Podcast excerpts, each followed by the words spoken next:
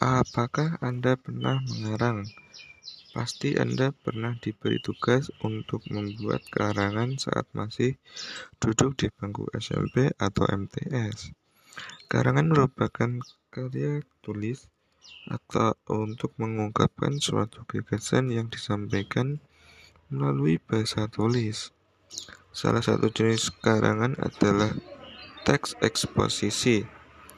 Teks eksposisi adalah paparan atau uraian yang bertujuan menjelaskan suatu agar pembaca mendapatkan informasi atau pengetahuan. Dalam kehidupannya sehari-hari, kita dapat menemukan berbagai macam teks eksposisi.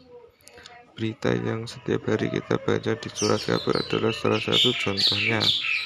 Apa saja bentuk teks eksposisi? Bagaimana membedakan teks eksposisi dengan teks karangan lain?